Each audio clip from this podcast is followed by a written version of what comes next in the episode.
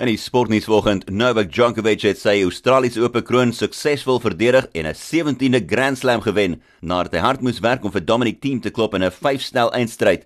Djokovic moes terugweg nadat hy twee stelle teen 1 agter was om die 50 kere van Oostenryk te klop met 6-4, 4-6, 2-6, 6-3 en 6-4 in 'n byna 4 uur maraton vir sy 8ste Aussie Ope kroon en om terug te keer na die wêreldnommer 1 posisie toe.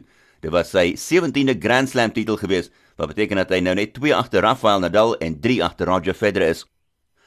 Blitzbok afrigter Neil Paul was vol lof geweest vir sy span, maar hy het erken dat dit teleurstellend was om te verloor in die eindstryd van die Sydney Sevens teen Fiji. Suid-Afrika se klop met 12-10 deur Fiji in die eindstryd in 'n vermaaklike wedstryd in baie nat toestande.